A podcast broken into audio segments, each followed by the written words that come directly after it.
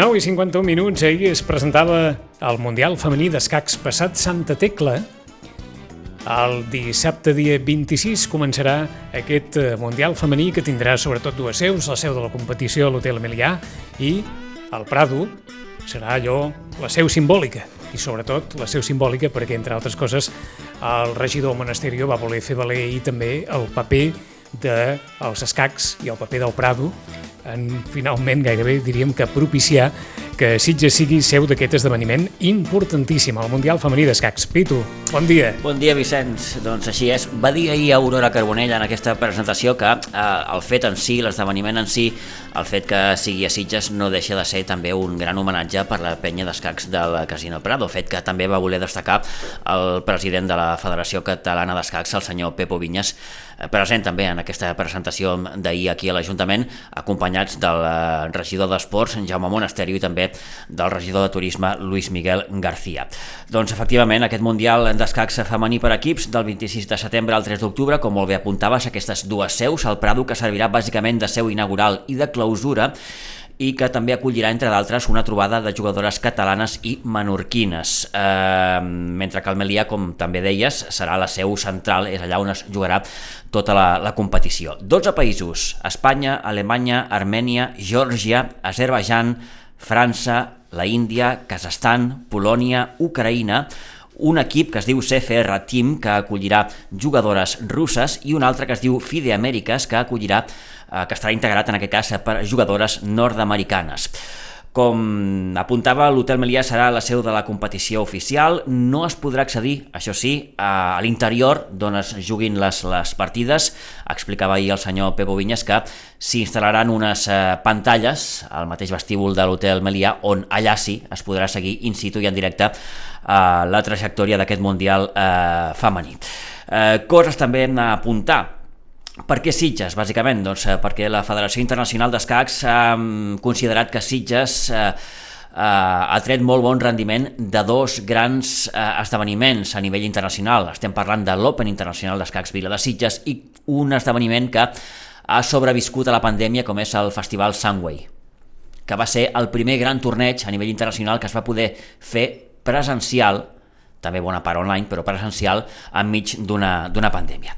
Escoltem, si et sembla, Vicenç, les primeres consideracions que feia Aurora Carbonell, l'alcaldessa de Sitges, que va comentar, entre d'altres, que aquest, aquest torneig també és una bona oportunitat per donar, si cal, més visibilitat a l'esport femení. Aquesta és una, és una gran fita que arriba després de, de mesos de feina i en aquest sentit deixeu-me expressar finalment també la nostra més gran satisfacció de poder col·laborar amb la Federació Internacional d'Escacs i també amb la Federació Catalana d'Escacs amb aquest esdeveniment d'abast internacional que ens situa en l'epicentre dels escacs i de l'esport femení. Deixeu-me dir-vos també que eh, no, no he comentat al principi però ens acompanya el Pepo Vinyes, eh, que ell és de la Federació Catalana d'Escacs, i també m'acompanyen els dos regidors implicats sobretot en aquest esdeveniment, com és el, el Lluís Miguel Garcia, de regidor de Turisme, i el Jaume Monasterio, regidor d'Esports. Dit això, eh, continuem amb, sobretot destacar que amb aquest campionat nosaltres també volem fer un homenatge a la penya d'escacs del Casino Prado que com a element fonamental en el món dels escacs tant per Sitges com per Catalunya. Eh, penseu que ells han tirat endavant a l'Open Internacional eh, d'Escacs de Sitges, que compta amb una trajectòria amb més de 40 anys eh, aquí eh, celebrant eh, aquest Open. Eh, malgrat la pandèmia, és cert no?, que aquests dos últimes edicions no s'han pogut fer, però hi ha amb una solidesa d'esdeveniment molt important. Però és que, a més a més, la vinculació de Sitges amb els escacs s'ha anat fent cada cop més gran. I des de ja, ja fa també set edicions, també tenim un campionat de referència internacional com és el Sunway Sitges International Chess Festival que contribueix a posicionar Sitges en el món de, dels escacs d'arreu. Un campionat també que està agafant cada vegada més importància i sobretot de caire internacional. Per tant, Sitges i els escacs portem ja anys eh, treballant aquesta relació eh, que, que ens enforteix com a, com a capital, diguem ja, podem dir com a capital de, dels escacs. El Casino Prado serà uh, un dels escenaris, serà l'escenari sobretot de l'obertura i de la clausura d'aquest esdeveniment. Uh, per tant, com un element significatiu de Sitges i dels escacs. Al Prado també hi haurà uh, trobada de jugadores catalanes i mallorquines, que es farà el cap de setmana del 2 i 3 d'octubre, i la resta d'activitats es desenvoluparan a l'hotel Melia Sitges, que des d'aquí també agraïm molt la seva participació en tot aquest esdeveniment. Al voltant del campionat s'han organitzat diferents activitats, que més endavant ja us explicarem, activitats paral·leles que començaran el, el dissabte dia 25 al Prado amb les partides ràpides i també es faran conferències específiques sobre escacs i sobre societat. L'Ajuntament sobretot treballa perquè Sitges visqui un ambient al voltant del món dels escacs tot, tota aquesta setmana, no? I així en aquest sentit també estem preparant activitats amb el comerç local, seguint amb la línia que ja portem des de fa temps també en promoció econòmica, de que tots els esdeveniments que es fan a Sitges doncs, tinguin aquesta relació amb el teixit comercial de, de la nostra vila. També, evidentment, aquest campionat del món també ha de servir per sobretot visibilitzar i potenciar l'esport femení, que malgrat malgrat l'alt nivell de moltes eh, esportistes, de moltes representants, encara ens queda moltíssima feina per fer en aquest sentit i sobretot per eliminar desigualtats que a dia d'avui persisteixen. Uh, també, parlant d'aquest tema, voldria destacar que la cadena SER també farà un programa en directe el dilluns dia 27, precisament en aquesta temàtica, vinculada als escacs i uh, uh, al feminisme, al, a l'esport femení i a la societat en general. Uh, per tant, també una activitat a destacar.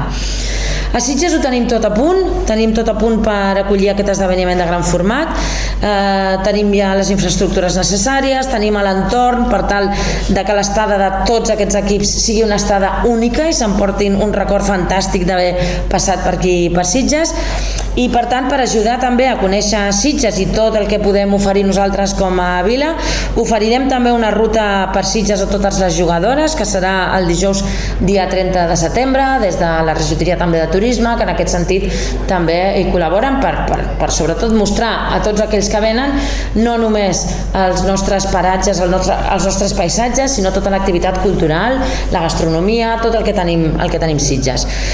Ja ho saben que tot, tot acaba al restaurant. Sí. Ei, si pot ser, i com que en tenim de bons, doncs també les participants en aquest eh, torneig que començarà el dia 26, recordem, del 26 al 3 d'octubre, també tindran oportunitat de visites guiades a alguns dels indrets patrimonials que tothom coneix i també, sí, òbviament... Tot, tot un seguit d'activitats que, que, com que recordava l'alcaldessa, eh, s'hi faran al, al voltant d'aquest eh, torneig. Eh, seguidament, Pepe Vinyes, eh, president de la Federació Catalana d'Escacs, també va apuntar doncs, unes quantes dades més sobre el torneig. Eh, una que és interessant i és que els escacs han estat l'esport que més ha crescut mm, durant la pandèmia. Té, bàsicament, una no, dues explicacions. Em sembla que totes dues les tenim al cap. Vinga. Una, perquè és un esport que pots jugar perfectament online, és a dir, a través d'internet, i dues, Gambito de Dama. Això ha fet que l'auge dels escacs doncs, eh, sigui, sigui molt, molt, molt important. El que fa un serial a Netflix, eh? Sí, sí, sí, sí.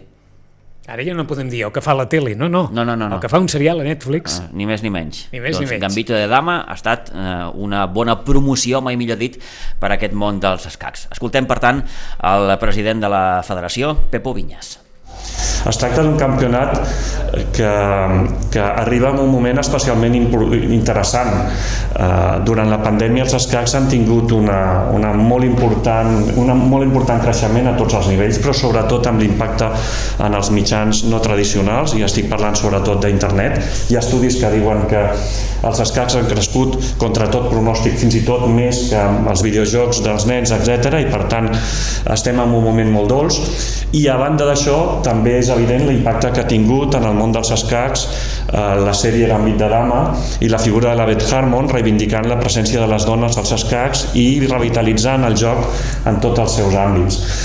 De fet, són el primer campionat mundial internacional presencial que es juga després de la pandèmia i després de la sèrie i tots els ulls del món escaquístic que estan sobre nosaltres. Vull dir, per tant, és evident que tenim una certa responsabilitat, però estic segur de que, de que tindrem l'èxit que, que crec que, que ens mereixem. I ho dic bàsicament ens mereixem perquè em consta que l'Ajuntament la, que de Sitges està fent un esforç extraordinari i tots desitgem que, que aquest esforç extraordinari es tradueixi en una organització molt, molt elevada i per tant doncs, que, que tothom estigui molt content d'haver desenvolupat aquest torneig.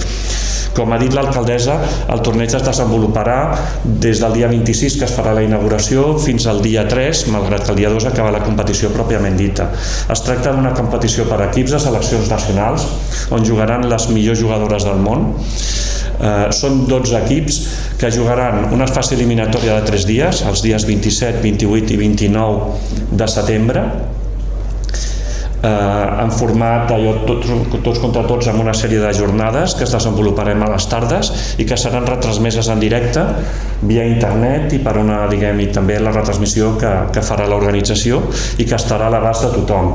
Nosaltres esperem que la xifra de persones que puguin seguir aquesta, aquesta competició eh, en directe a nivell internacional a través dels diferents canals que la retransmetran podria arribar a més d'un centenar de milers de persones i estem molt contents de que, de que sigui així intentarem eh, diguem que la retransmissió que els comentaristes i tal doncs hem agafat gent amb molt prestigi internacional i pensem que, que això donarà els seus fruits i que tindrem una gran, una gran, un gran impacte sobretot en països amb gran prestigi en el món dels escacs. Estem parlant de Rússia, estem parlant de la Índia estem parlant d'Ucraïna, d'Azerbaidjan de Geòrgia, en fi, països que no són potser tan habituals amb altres esports i en canvi en el món dels escacs tenen una potència i sobretot tenen un seguiment molt, molt massiu.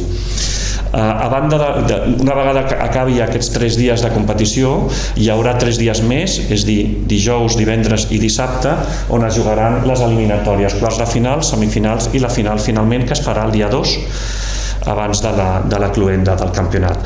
En paral·lel, la idea organitzativa ha estat no solament fer un campionat internacional que tingués repercussió a altres països i que tingués bona acollida en el món dels escacs, sinó també vull dir, apropar els escacs a la, a, la gent, sobretot a la gent de Sitges, però en general a la gent de Catalunya que vulgui venir i veure els escacs in situ. I és per això que hem organitzat una sèrie d'activitats simultànies, conferències sobre dona i escacs, conferències sobre eh, l'àmbit terapèutic o les, les aplicacions terapèutiques que tenen els escacs, perquè no volem deixar que solament els escacs siguin una qüestió competitiva. Volem, a més a més, aprofitar les coses que poden aportar els escacs a la societat. Vull dir, en temes d'ensenyament, com a eina educativa que s'ha demostrat que és eh, extraordinària, com a eina per poder, per exemple, combatre les malalties degeneratives a través de la pràctica dels escacs en gent gran, eh, temes d'inserció social, temes d'aplicacions terapèutiques, és dir, volem que això no sigui solament una competició d'escacs, volem que sigui també una reivindicació dels escacs a nivell de la societat i també, diguem, una festa dels escacs a Sitges. D'acord?